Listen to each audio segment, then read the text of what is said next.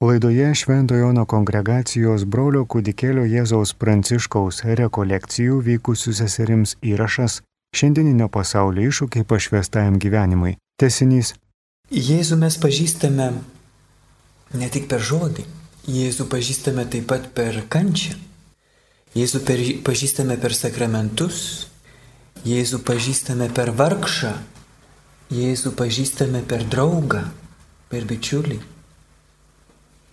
Ir čia konkrečiai Jėzų pažįstame per sakramentą. Nes sakramentai, kas yra sakramentai, apie tai mums irgi reikės dar pasišnekėti. Sakramentai yra, nu, mes žinom, kad formaliai, teologiškai tai yra Dievo malonės kanalas, regimas Dievo malonės ženklas, kuris veikia pats savai, pats iš savęs. Formaliai. Bet ar, ar, ar šitas formalus apibrėžimas pasotina mūsų širdį? Taip, tai, tai yra regimi Dievo malonės ženklai, kurie veikia patys iš savęs. Bet pirmiausiai sakramentai yra pats Jėzus, Jėzaus žmogystė. Jėzaus žmogystės prailginimas iki čia ir dabar, iki manęs šiandien čia Trinapolį už, už, už, už pusantros valandos. Kai Jėzus prilies mane, kai Jėzus man kalbės per sakramentą, per Eucharistiją atleidimo, gailestingumo sakramentas, susitaikymo sakramentas, išpažintis, tai yra taip pat susitikimas su Jėzumi. Labai neturtingas tas susitikimas, panašiai kaip ir žodėje mes matėm. Žodėje susitikimas su Jėzumi yra labai neturtingas. Aš nematau jo akių, negirdžiu jo balso, negaliu paliesti jo rankos, bet aš iš tikrųjų realiai susitinku su juo per žodį per sakramentą panašiai. Yra tik labai, labai neturtingas vis dėlto jutiminis, apčiuopiamas Jėzaus buvimo ženklas mūsų tarpe. Eucharistijoje duona ir vynas, kurie tampa jo kūnu ir krauju. Sustaikymo sakramente jo gailestingumas. Kunigystės sakramente jo paties asmuo. Nes kunigas veikia in persona Christi. Kristaus asmenyje.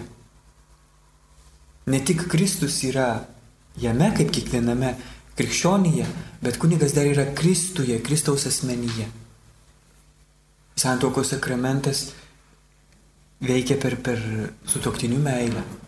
Jėzus yra sutoktinių meilėje. Ir taip toliau, su visais sakramentais. Štai kodėl yra, yra taip svarbu eiti sakramentų ne nu, vėl tai pasakysiu, egoistiškai savo gauti malonės, kad aš būčiau šventa. Ir tai būtų visiškai normalu, jeigu sakramentas būtų tik regimas Dievo malonės ženklas, veikiantis pats savaime, kad mane šventintų. Tai būtų normalu, formaliai.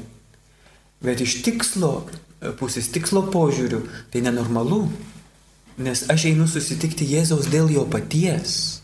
Kaip kiekvienoje draugystėje, tikroje dvasinėje draugystėje, bičiulystėje, kur man rūpi pirmiausia mylimas žmogus ir jo tikras gėris. Aš einu susitikti Jėzaus dėl jo paties, o ne dėl savęs. Kad paskui ir man iš to susitikimo padarinys bus mano šventumas, nuolankumas, romumas, paprastumas, taip. Bet klausimas yra, ko aš pirmiausia ieškau, kas yra pirmoji vietoje - Jėzus ar jo dovanos. Kai einat į, su, jeigu jauna mergaitė eina į susitikimą, į pasimatymą, ne, į pasimatymą. Dėl gėlių kažkas ne taip. Reiškia, kad jinai, jinai, jinai nemyli iš tikrųjų to berniuko. Jeigu jai reikia gėlių arba žiedelių. Čia Švento Augustino pavyzdys yra apie žiedelį. Apie sužadėtinę, kuri labiau domisi žiedeliu negu su, sužadėtiniu. Ir mes taip pat, jeigu einame iš pažinties, kad gautume nuodėmio atleidimą, mes esame tokia mergaitė, kuri domisi sužadėtinio dovanomis, o ne pačiu sužadėtiniu. Į kiekvieną sakramentą mes turime eiti susitikti Jėzaus pirmiausiai. Į meilės pasimatymą turime eiti. Taip pat ir iš pažinties pirmiausia turime eiti susitikti su Jėzumi. O ne nuodėmio atleidimo gauti pirmiausiai. Žinoma, kad to susitikimo padarinys bus nuodėmio atleidimas, žinoma. Taip kaip ir mergaitė, kurie eina susitikti su savo mylimuoju į pasimatymą, žinoma, jinai gaus tas, tas gėlės, jinai gaus tas gėlės. Bet ne tai yra svarbiausia. Svarbiausia yra mylimasis. Euharistijoje taip pat mes pirmiausia turime eiti susitikti su Jėzumi. Ir gauti jo paties gyvenimą, jo paties dieviškai gyvenimą į savo, į savo gyvenimus, kad jis būtų įskiepytas į mus. Ir kad galėtume paskui ir vieni kitus pasižiūrėti tokiomis pačiomis akimis, kokiomis Jėzus į mus žiūri. Tai yra Euharistijos slėpinis. Ir tada iš tikrųjų mes galime pažinti, pažinti Jėzų. Pažinti per duonos laužymą. Pažinti per jo gailestingumą. Ir leisti, kad, kad jo, jo artumas, jo meilė manyje išskleistų jo dovanas nuolankumą, paprastumą, mažumą, šventumą galų gale. Bet tik tai, tik tai tada, jeigu pirmiausia ieškosime Jėzaus, ieškokite Dievo karalystės, kur yra pats Jėzus, o visa kita jums bus pridėta. Ir ramybė, ir paprastumas, ir darybės, ir, ir šventumas, visa kita bus pridėta. Bet jeigu jūs jo ieškote pirmiausiai šitų Dievo dovanų, jūs darote iš jų stabą. Nes jeigu jos yra pirmosios, nebe Dievas yra pirmas. Bet tik Dievas yra pirmas. Jeigu ką nors pastatom į jo vietą, tai jau yra stabas. Tai yra netikras Dievas, kuris mus apgauna. Kuris mus apgauna. Ir grįžtant prie Jėzaus pažinimo per raštą, skirtumas su visokiais romanais, apie kuriuos mes kalbėjom kaip pavyzdžius. Ir esminis skirtumas, kad Jėzus iš tikrųjų dovanoja save per raštą. Jis yra tuose rašto žodžiuose realiai. Panašiai kaip sakramentuose. Ne visai taip pat, bet panašiai. Jis iš tikrųjų per žodį mane paliečia. Jis yra tame žodėje, nes jis pats yra Dievo žodis. Ir jį priimdamas į savo širdį tą žodį, aš priimu patį Jėzų. Ne vien tik tai, ne vien tik tai kažkokį jausmą, įspūdį, susižavėjimą, bet patį Jėzų priimu. Ir štai kodėl yra taip taip svarbu, kad mes kasdien skaitytume raštą. Ir skaitytume jį kaip ne tik kaip meilės laišką, jau nekalbant apie tai, kad skaitytume kaip kokį vadovėlį, teologijos arba, arba moralės, arba istorijos, bet kad skaitytume jį kaip, kad eitume skaityti rašto kaip į pasimatymą, kuriame iš tikrųjų realiai susitinkame su viešpačiu. Nes irgi jeigu skaitysime raštą tik tam, kad gautume šviesos, ką aš turiu šiandien padaryti ir kaip man pasielgti tokioj situacijai, tai vėl bus ta pati situacija su sužadėtinė, kuri nori gauti žiedelį, kuri nori gauti dovanų, kuri nori gauti šviesos, bet nesusitikti patį, patį mylimai. Čia yra tikrai didžiulis iššūkis, pasaulio iššūkis, kuris visada, pasaulis visada ieško dalykų savo.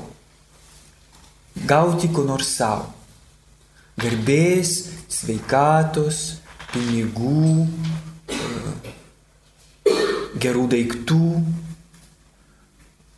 diplomų, pripažinimo, proto savo.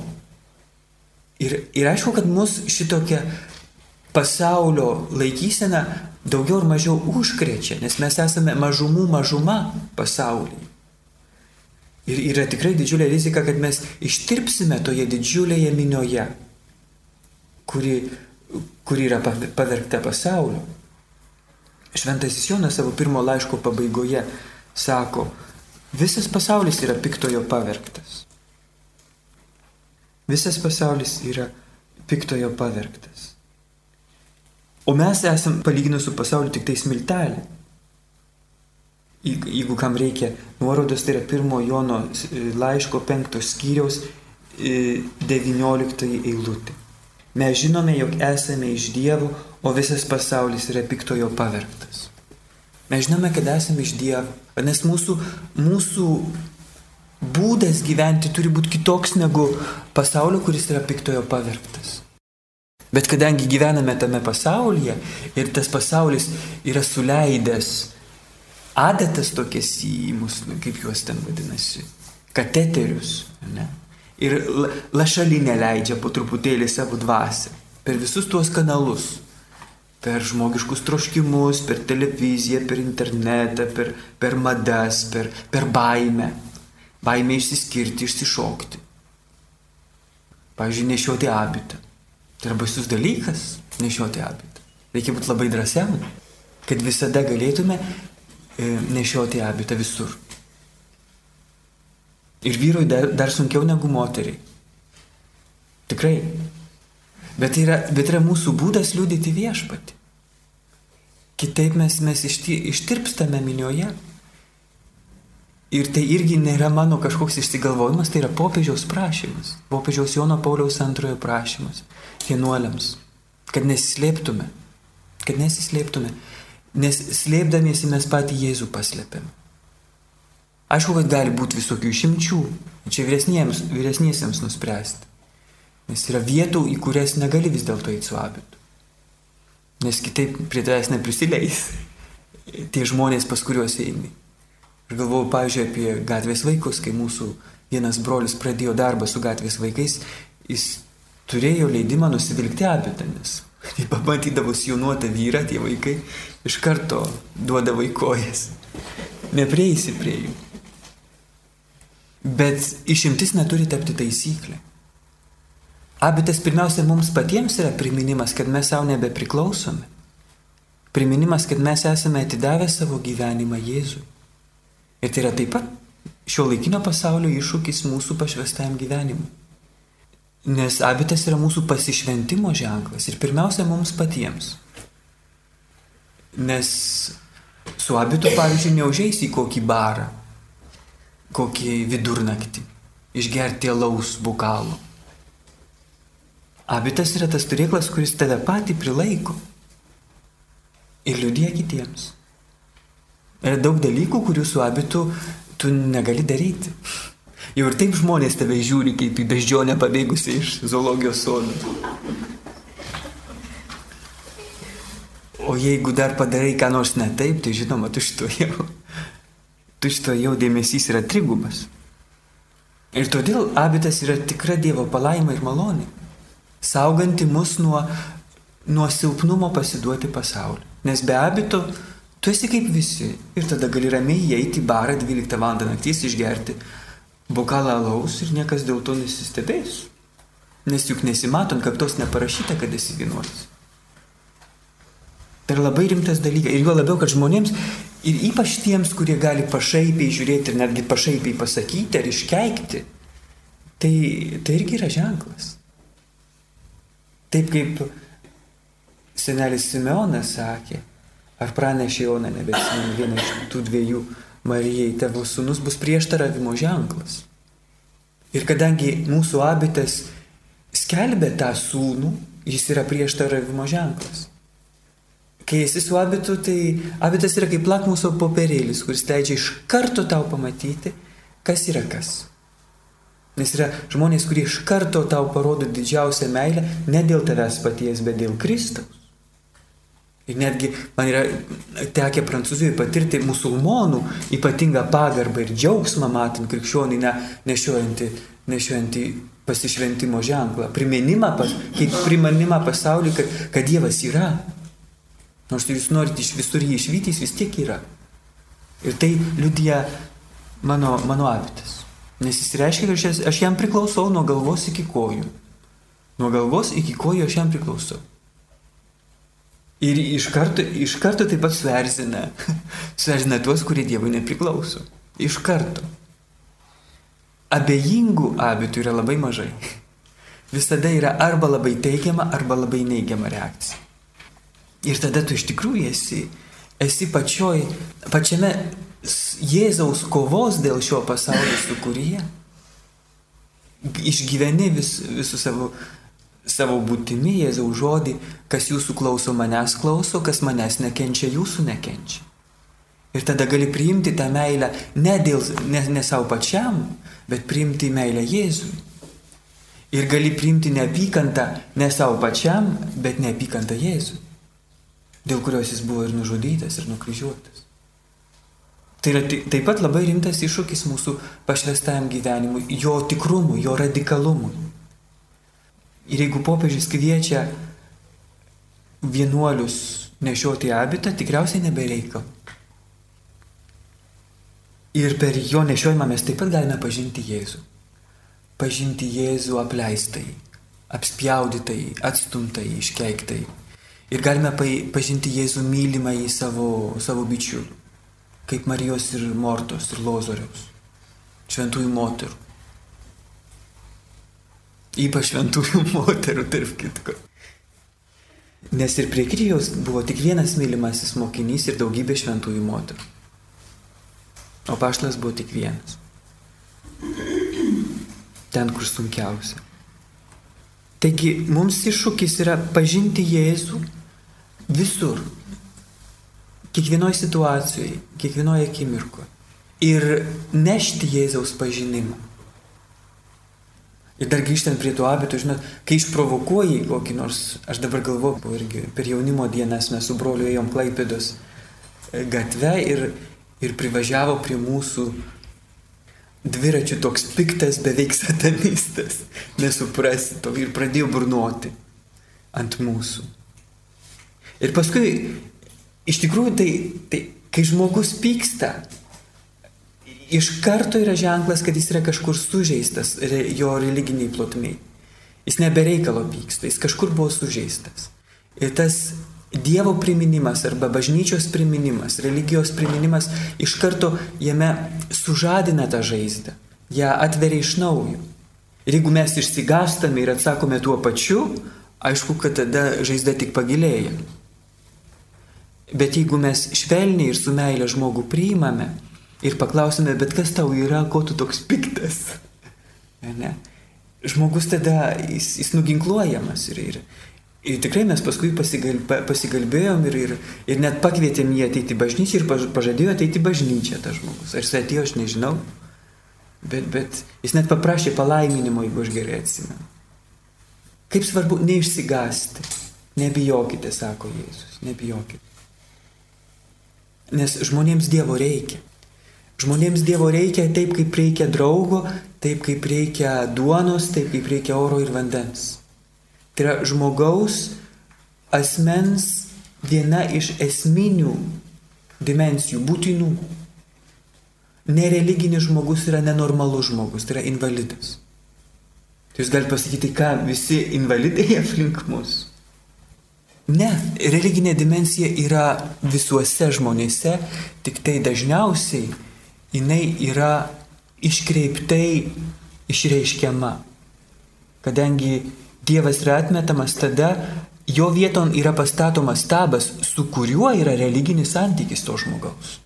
Ir tai gali būti ideologija, kokia nors, nu ką žinau, ekologinė ideologija išgelbėti Žemės planetą.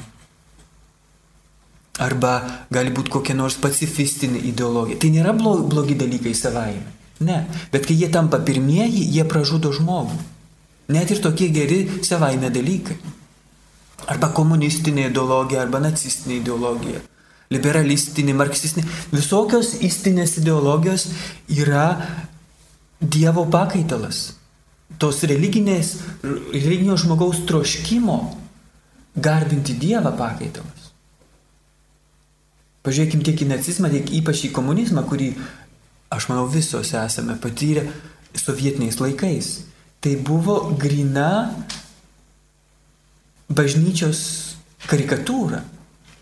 Buvo procesijos, pavasarinis, rudeninis, gegužės pirmoji ir, ir revoliucijos pergalės metais. Buvo, buvo popiežiai, neliečiamieji, neklystantis, neklystantis, vedantis tautą į, šviesų rytojų, šviesų rytojų į dangaus karalystę šioje žemėje. Kur nebebus blogio, kur visi bus lygus, teisingi, nebereiks pinigų. Rojus pažadėtas. Ir kur yra mesijas. Lenin žil, Lenin živ, Lenin būdit žait. Nu, tikrai. Ir prisiminkim, ką Šventas Paulius rašo. Kristus yra tas pats vakar, šiandien ir per amžius.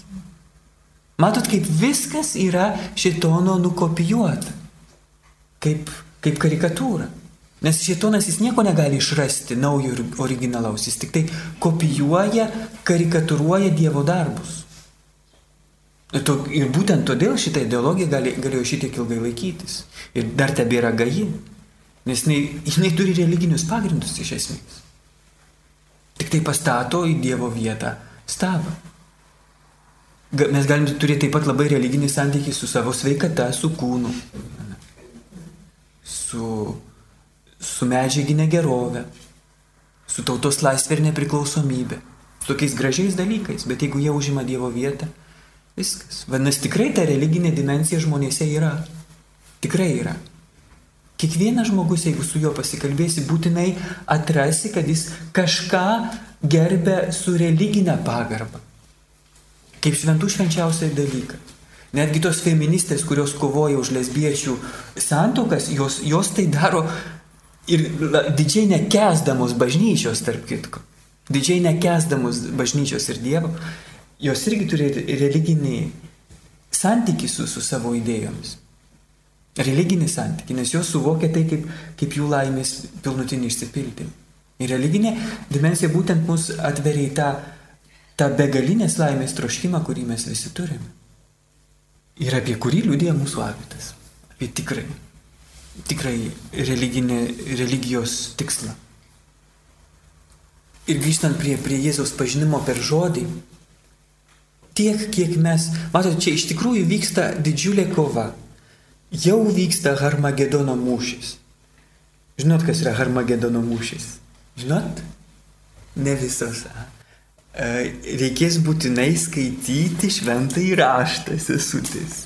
Tai yra apreiškimo knygoje aprašomas paskutinysis Harmagedono mūšis tarp, tarp Dievo kariuomenės ir, ir Slibino kariuomenės.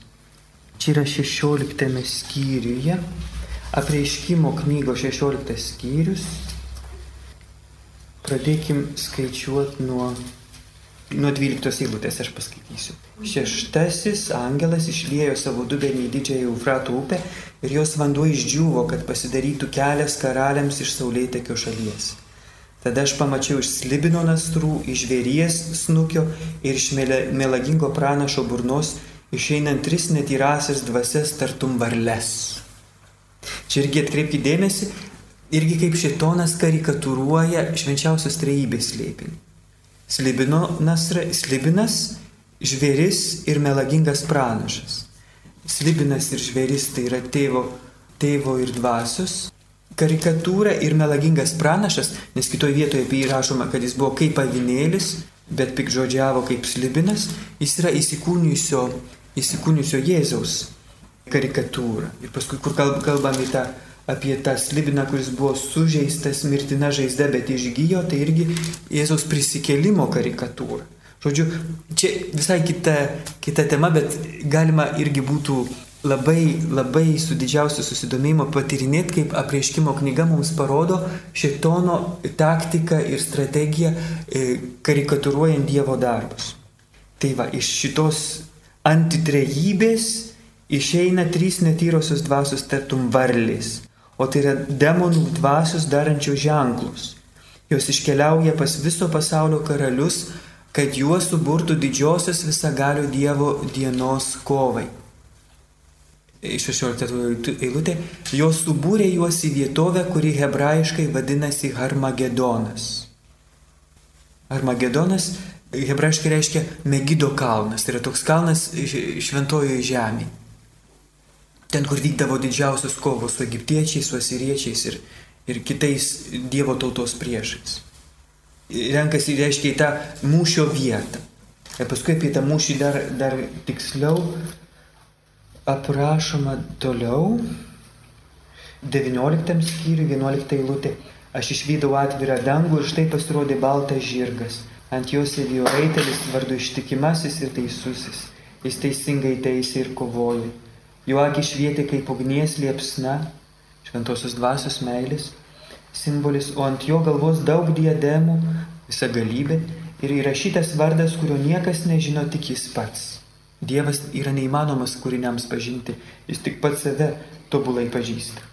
Jis apsirengęs krauju permirkusių drabužių, kryžiaus simbolis ir jo vardas Dievo žodis. Jį lydėjo dangaus galybių pulkai ant baltų žirgų, baltas spalva yra pergalės spalva, tyrumo spalva, apsivilkę tyros baltos drobės drabužiais. Iš raitelio burnos jo dviešmenis kalavijas, Dievo žodis aštrus kaip dviešmenis kalavijas, atsimenam, sako šventasis Paulius, kuriuo jis ištiks tautas ir jis valdys jas geležinę lasdą. Tai yra e, mesijo simbolis, lasda, kurios neįmanoma sulaužyti. Jis mina visą galių Dievo įniršio ir rūstybės vyno spaustuvą, kalbėdami apie kanos vestuvių evangeliją, kas, kas yra tas vynas kurį Jėzus, Jėzus duoda. Ant jo drabužių ir ant jo strėnų užrašytas vardas karalių karalius ir viešpačių viešpats. Ant jo drabužių, kitaip sakant, tai, ką visi mato, ir ant jo strėnų, kitaip sakant, kas yra paslėpta, kas yra jo, jo paties giliausia esmė ir paslaptis. Jis yra karalių karalius ir viešpačių viešpats. Ir toliau nuo 19 eilutės, tuomet aš išvydau žvėrį, žemės karalius bei jų kariuomenės, susirinkusias kovoti su raiteliu ir jo kariuomenė, tame Harmagedono mūšyje, apie kurį mes jau skaitėm 9-16 skyriui. Čia tesinys to, kas buvo 16 skyriui. Žvėris buvo sugautas, o kartu su juo netikrasis pranašas, jo akise darė stebuklus ir jais klaidinę žmonės, kurie buvo prieėmę žvėrie ženklą ir garbino jo atvaizdą. Juodu gyvi buvo įmesti į ugnies ežerus degančią sierą. Visus kitus išžudė raitelis kalaviju einančių iš burnos. Kalaviju einančių iš burnos Dievo žodžiu, tieso žodžiu, kuris išnaikina visą melą, visą blogį. Ir visi paukščiai prisilėsė jų lavonų. Tai va, ką aš norėjau pasakyti? Aš norėjau pasakyti, kad tai, kas, ką pašlas Jonas regi kaip, kaip galutinį mūšį, ar Magedono mūšį tarp blogio jėgų ir Dievo kariuomenės, jis vyksta dabar. Jis vyksta jau dabar. Ir jis vyksta kiekvieną dieną. Ir, ir, ir mes esame to, to mūšio pačiame įkarštyje, pačiame sukūryje. Iš vienos pusės į mus plaukia visais įmanomais kanalais blogio jėgos, kurios nori mus patraukti į save, bet yra taip pat ir visi kiti Dievo, dievo jėgos kanalai, kuriuos mums plaukia Dievo jėga, kad mūsų sustiprintų ir padėtų atsilaikyti prieš šitą, šitą žemės karalių ir trijų varlių kariuomenę. Ir tai yra sakramentai, tai yra Dievo žodis, tai yra vidinė malda, tai yra adoracija, tai yra mūsų abitas, mūsų pasišventimas, mūsų ištikimybė širdį. Ir tai mums teikia stiprybės nugalėti. Ir čia yra iššūkis. Kuo daugiau pasaulis mm, skverbėsi į mūsų pašvestą į gyvenimą visais įmanomais neįmanomais būdais, tuo labiau mes turime remtis, semtis jėgų iš, iš tų dieviškųjų kanalų, per kuriuos ateina šviesa, ramybė ir stiprybė. Per Dievo žodį, per maldą, per sakramentus. Turim nuolat atsiversti nuo, nuo tų gundančių pasaulio iliuzijų atsiversti į tiesą, į tikrovę, į tikrą meilę ir tikrą šviesą, tikrą ramybę. Net jeigu dėl jos reikėtų paukoti ir savo gyvybę. Ir galimas daiktas, kad mes artėjom prie, prie laikų, kada tas Harmagedono mūšis vykstantis kasdien mūsų gyvenime pasireikš labai realiai, kai mus pradės pjauti, kaip jautina savis, kaip prašo psalmininkas. Savo psalmį, nebežinau, kurio 36 berods. Vadinasi, šitam, šitam Harmagedono mūšiui mes turim apsiginkluoti. Apsiginkluoti visais, visais Dievo ginklais, apie kuriuos kalba šventasis Paulius. Vėl nebeatsimenu kur. Bet šitą jau tikrai žinot, ar ne? Pauliaus, Pauliaus aprašomi Dievo ginklai. Teisumo šarvai, Dievo žodis, skydas, piktojo ugningoms strėlėms užgesinti, šalmas, sandalai. Visi Dievo ginklai, visais jais reikia apsiginkluoti. Ir todėl aš, aš raginu tikrai labai, labai rimtai pasižiūrėti šitą raginimą, grįžti nauja, šviežia širdimi prie, prie to mąstymo plačiaja prasme, prie vidinės maldos, prie Dievo žodžio skaitimo. Ir, ir mes dar kalbėsim sakramentų gyvo praktikavimo, as, asmeniško praktikavimo, ne kaip kažkokios rutinos ar pareigos prievolės, bet asmeninio susitikimo su Jėzumi. meilės pasimatymė, nes meilė yra didžiausia, didžiausia jėga, kurios niekas negali įveikti. Meilė. Ir ne šiaip kokia meilė, bet, bet Dievo meilė. Jau žmogiškos meilė, žmogiška meilė yra labai sunku įveikti, kai jinai yra tikra. Beveik neįmanoma, tarp. Bet dieviško meilė yra absoliučiai neįveikiama. Absoliučiai neįveikiama. Ir, ir ją reikia įsileisti į savo gyvenimus ir į savo širdis. Ir todėl mes turim skaityti raštą ne, ne iš smalsumo ir ne iš būtinybės ir ne todėl, kad gautume šviesos ir stiprybės savo, bet kad susitiktume patį Jėzų, karalių karalių ir viešpačių viešpatį, mano sužadėtinį, už mane numirusi ir už mane prisikėlusi, mane mylinti ir nuplovusi savo krauju mano nuodėmės. Mano. Mane asmeniškai pažįstanti ir mane asmeniškai mylinti.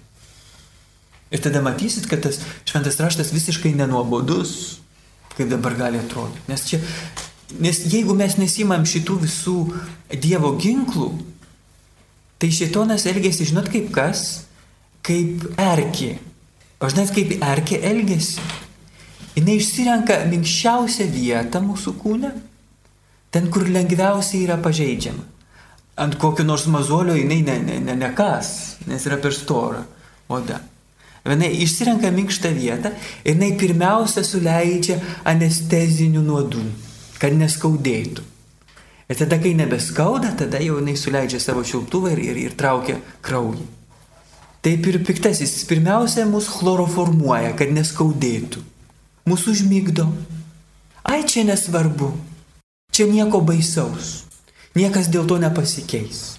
Jeigu nesukalbėsiu ten kokios maldelės, Ar jeigu ne, nenueisiu, ne, nepasimelsiu tą, tą, tą vidinę maldą, ai čia nieko baisaus. Chloroformas, anestezija, kad neskaudėtų. O paskui, kai tik tai jau būsiu netekęs šitos, šitos, šito budrumo, kurį man teikia Jėzaus artumas per sakramentus, per raštą, per maldą. O tada jau jisai suleidžia savo vamsdelius ir traukia mano kraują, traukia mano gyvybę ir aš darausi vis labiau bekraujis, lavonėjų.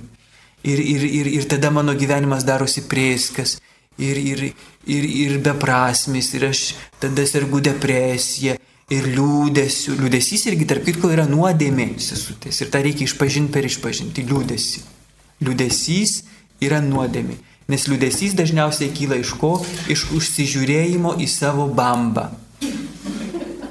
Iš gailėjimosi savęs. Va kokia tu vargšė, žiūrėk, kitos tavo amžiaus turi vaikų ir vyrą ir visą kitą, o tu čia smirsti ši, ši, šitam vienuolynę. Ir tada liūdna daros ir gaila savęs.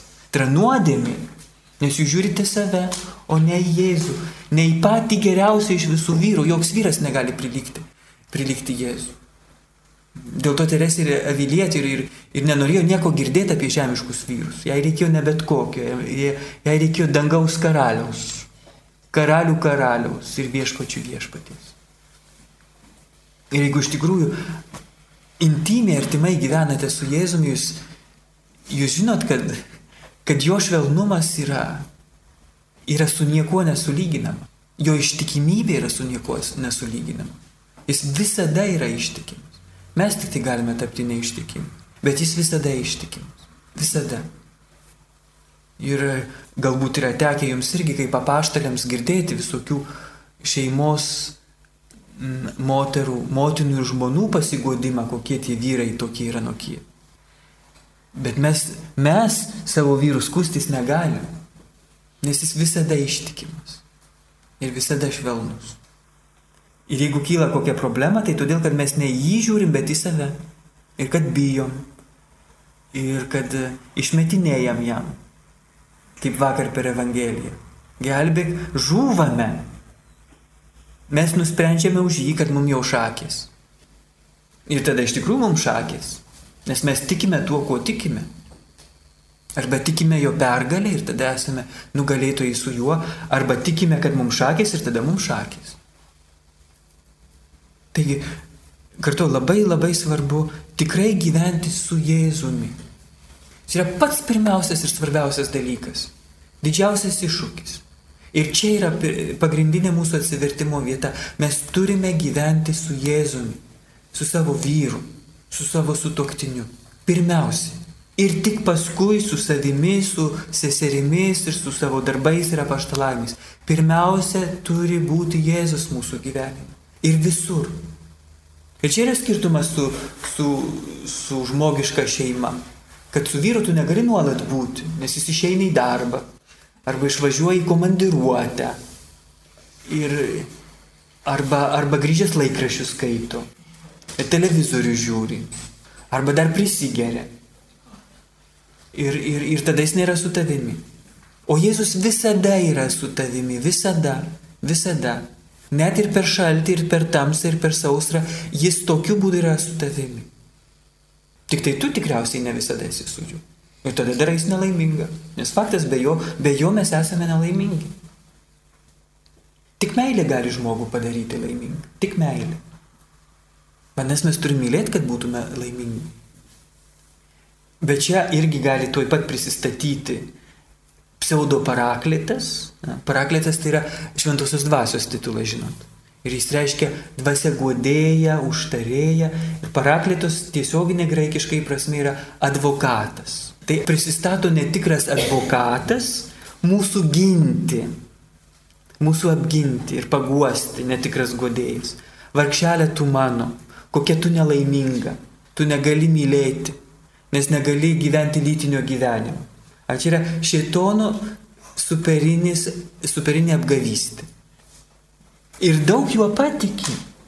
Kunigų ir vienuolių. Ar jeigu neturiu, negaliu gyventi lytinio gyvenimo, tada negaliu mylėti. Ir jeigu negaliu mylėti, aišku, tada esu nelaimingas. Ir tada sėdžiu, žiūriu į savo bambą ir verkiu. Ir depresuoju, koks aš nelaimingas. Bet yra baisiausia apgavystė. Ir aš galiu per 30 sekundžių įrodyti, kad nelytinis gyvenimas žmogų padaro laimingą. Norite? Žiūrėkite, pasaulyje absoliuti dauguma žmonių gyvena lytinį gyvenimą, sutinkat? Ir kiek iš jų yra laimingi? Bet ir viskas labai paprasta. Jeigu ši, šitiek žmonių gyvena lytinį gyvenimą ir vis dėlto šitiek žmonių yra nelaimingi, vadinasi, nelytinis gyvenimas žmogų padaro laimingą, o meilė padaro žmogų laimingą. Tiesa, kad lytinis gyvenimas yra meilės išraiška ir kas tikrai juo gyvena kaip meilės išraiška, jie yra laimingi. Tos šeimos yra laimingos, taip. Bet meilę mes galime išreikšti ne tik lytiniu būdu. Meilę mes galime išreikšti taip pat ir pasišventimu. Ir štai kodėl yra ir kunigų, ir vienuolių, kurie yra laimingi net ir negyvendami lytinio gyvenimo. Kodėl? Nes jie myli nes jie išreiškia savo meilę kūno dovaną per celibatą ir jie yra laimingi. Ir dar reikėtų palyginti, kurie laimingi, laimingesni. Todėl labai saugokimės šito pseudo advokato ir pseudo godėjo, pseudo argumentų mums paguosti. Nes jis mus paskui taip paguodžia, kad, kad iš tikrųjų nieko kito nelieka, kaip tik eiti ir pasikarti. Nes esu baisiai nelaimingas. Ir, ir būtent todėl reikia kreiptis į tikrąjį advokatą ir tikrąjį guodėją, meilės ir tiesos dvasę, jo šauktis ir prašyti, kad jį mumise gyventų ir kad jį mumise mylėtų ir mus tai padarytų laimingus jau dabar. Nes Dievo karalystė yra mumise. Pats Jėzus taip sako. Ir ta Dievo karalystė yra meilė. Nes Dievas yra meilė. Ir Dievo karalystė yra meilės karalystė. Ir kai mylime, mes jau esame jo karalystėje. Ir kad mylėtume, mes turime, turime pažinti Jėzų ir tada jį mylėti. Tai va, mes jau matėm du labai svarbius dalykus mūsų, mūsų šito pirmosios meilės naujam užsidėgymui. A, kaip skaitėm pirmąją dieną, atsimenat. Laišką Efezo bažnyčiai. Jėzaus laišką Efezo bažnyčiai, kur tikrai yra laiškas mums. Ir čia būtų irgi įdomu, kada nors paskaityti kiekvieną laišką iš tų septynių Jėzaus laiškų, kaip ne kažkokioms prieš 2000 metų egzistavusioms bažnyčioms, bet kai laišką man, ką Jėzus man priekaištavo. Ir pasižiūrėti, į, į kur, į, nuo kur turiu atsiversti, į kur turiu atsiversti. Aš turiu prieš tave tai, kad palikai savo pirmąją meilę. Prisimink, nuo kur nupuoliai, atsiversk ir vėl imkis pirmykščių darbų. Taip, tai yra apreiškimas Jonui antras skyrius, ketvirta eilutė. aš turiu prieš tave tai, kad tu palikai savo pirmąją meilę. Reikėtų galbūt mums šituos žodžius tikrai labai asmeniškai išgirsti. Aš vėl kartu prisiminkim, kaip mes atėjome į vienolyną. Na, nu, aš tikiuosi, kad jūsų surištom rankom ir kojom neįmetė į tą vienolyną. Kad jūs tikrai atėjote iš meilės ir tikrai Jėzaus patrauktus. Ir pasižiūrėkim, kur mes esame šiandien. Palyginkim su ta savo pirmąją, pirmąją meilę. Ar nebūsim palikę tos pirmosios meilės? Ar ne, nebūsim taip įskaudinę Jėzaus širdies? Taigi prisimink, nuo kur nupuolė, atsiversk ir vėl imkis pirmykščių darbų. Kokių darbų? Ne tų darbų, kuriuos mes kiekvieną dieną arėme užmiršusios Jėzų, bet ta, tų pačių svarbiausių darbų mylėti Jėzų, mylėti jį per raštą, per maldą, per sakramentus, per savęs dovaną. Štai šito atsivertimo mums gyvybiškai būtinai reikia. Ir ne tik mums, bet ir visai bažnyčiai. Sesutės nuo jūsų meilės karščio priklauso ir visų mūsų parapijų, ir kunigų, ir viskupų užsidegimas. Tikrai. Tikrai priimkite šitą labai rimtai. Jūs esate nedaug, bet jūs esate kaip mėlis, kurios gali visą tešlą įrauginti. Ir jeigu visa bažnyčia bus įrauginta jūsų meilės karščio, tada ir bažnyčia savo ruoštų galės įrauginti visą pasaulį, visą visuomenę. Ir jeigu mes matom, kad, kad mūsų visuomenė, pažiūrėkit, per, per 20 metų, kaip tragiškai keičiasi visuo, visuomeninė situacija, skaitant ir tikėjimo klausimą, jau nekalbant apie moralės klausimus. Ir vienintelis atsakas yra mūsų meilė. Nėra kito ginklo, neįmanoma kitaip sustabdyti šitos lavinos, kuri rytasi per pasaulį. Kitaip neįmanoma. Ir nebereikalo, tikriausiai skaitėte, ar ne bažnyčios žiniuose prieš kurį laiką buvo paskelbta apie šventos sosto raginimą visur renkti adoracijas. Visokiausias adoracijas ir pirmiausia už kunigus. Ir čia yra trečiasis dalykas, apie kurį aš norėjau šį rytą pakalbėti, tai yra adoracija. Adoracijos vieta mūsų gyvenime, mūsų pašvestajame gyvenime. Aš norėčiau čia kalbėti, žinoma, visoms sesutėm, bet ypač vyresniosioms noriu pasakyti, papasakoti tokią istoriją, kurią jūs galbūt žinote, iš motinos Teresės gyvenimo.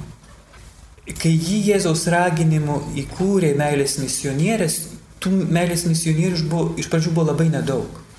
Ir pirmuosius 10 ar 15 metų jų tikrai buvo labai nedaug. Ir paskui motina Teresė gavo tokį supratimą iš šventosios dvasios, kad jos būtinai turi kasdien vieną valandą adoruoti švenčiausiai. Ir nuo tos dienos meilės misionierių pašaukimas pradėjo aukti geometrinę progresiją per visą pasaulį. Būtent nuo tos dienos, kai jos apsisprendė kasdien adoruoti viešpati vieną valandą tyloje. Na va, dabar labai svarbu, mielos seserys vyresniosios, kad jūs nesugalvotumėt imti šitos priemonės, kaip pagausinti savo kongregacijų gretas. Nes jeigu jūs dėl to darysite adoracijas, gerai nebus, nes tai eilinį kartą jūs domėsitės viešpaties dovanomis, o ne pačiu viešpačiu. Bet jeigu jūs domėsitės pačiu viešpačiu, pastatydamos taip labai konkrečiai jį savo ir savo bendruomenių gyvenime į pirmą vietą, žinoma, kad bus ir tos dovanos, žinoma, kad bus ir tie pašaukimai. Bet labai svarbu, kad labai sąžiningai savo širdyje nutartumėte tą daryti ir aš tikiuosi, kad jūs tai nutarsite. Nes tai raginu ne aš, o ragina šventasis tėvas, ragina pati šventoji dvasia per jį, kad jūs tai darysite dėl viešpatį. Ir tada pamatysite, ką pamatysite. Bet tikrai kviečiu labai rimtai pagalvoti apie šitą, šitą, šitą mūsų laikų ženklą. Jeigu galėtų visos seserys bent po valandą per dieną adoruoti, tai būtų didžiulis atsivertim, žingsnis į atsivertimą, didžiulis žingsnis į atsivertimą. Ne tik jūsų, ne tik jūsų bendruomenės, kongregacijos, bet visos bažnyčios ir per ją pasaulio. Tikrai. Mums reikia apsiginkluoti šitais Dievo ginklais. Ir tada mums lieka, lieka išsiaiškinti, ką veikti per tą adoraciją. visą valandą, ar ne, kai mes buvom įpratusios dirbti barbės devindarbės devynius darbus per tą valandą. Dabar reikia sustoti ir padėti visus darbus į šalį. Ir mūsų viršininkai, kokie nors viskupai ir klebonai gali visiškai nesuprasti ir sakyti, ko čia tinginiauji, eik dirbt. Ir tada reikia nebijoti pakišti va tą popierių iš, iš, iš Romos ir viskupų ir klebonui. Visai aš netinginiauju, bet aš dirbu pačius svarbiausius darbus. Ir tarp kitko ir tave kviečiu prisidėti. Ekscelencija. Taip, tikrai. Matot, va tokiu būdu jūs ir padeksite bažnyčią meilės ugnimu. Aišku, gal iš pradžių jūs nesupras, gal, nu taip, būna, dėja, tai yra baisiai skaudu sakyti, bet būna, gali klebonas net pasukioti pirštą prie smilkinio. Gali ir tai būti. Gali ir tai būti. Nesvarbu. Nesvarbu. Jūs turite pramušti šitas sienas. Jūs turite būti pirmosiose gretose šito Harmagedono mūšio. Girdėjote Šventojono kongregacijos brolio kūdikėlio Jėzaus Pranciškaus rekolekcijų vykusių seserims įrašą šiandieninio pasaulio iššūkiai pašvestajam gyvenimui.